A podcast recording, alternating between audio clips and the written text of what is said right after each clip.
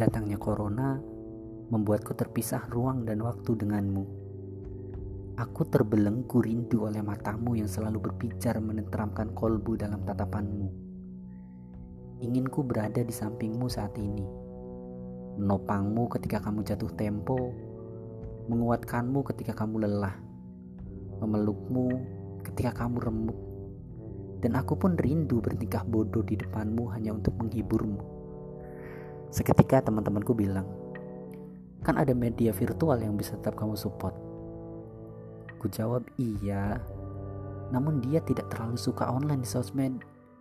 Dia hanya online tidak lebih dari 10 menit dalam sehari. Itu pun waktunya tak terduga. Loh, ya kamu harusnya minta waktu dong buat dia untuk bisa saling berkomunikasi denganmu. Toh, kamu juga ada hak kok.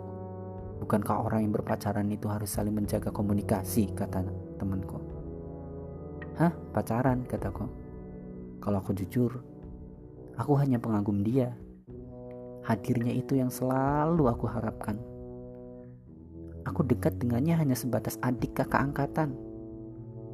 Aku memang menaruh perhatian lebih padanya. Namun, Rasa ini hanya bersemayam dalam hati. Ingin kuungkapkan, tetapi bibirku selalu terkunci. Lagian, dia juga sedang suka sama laki-laki lain. Kerap kali dia curhat tentang laki-laki itu sebelum pandemi datang. Curhatan itu tentunya selalu saya respon, meski rasanya seperti menelan empedu, pahit,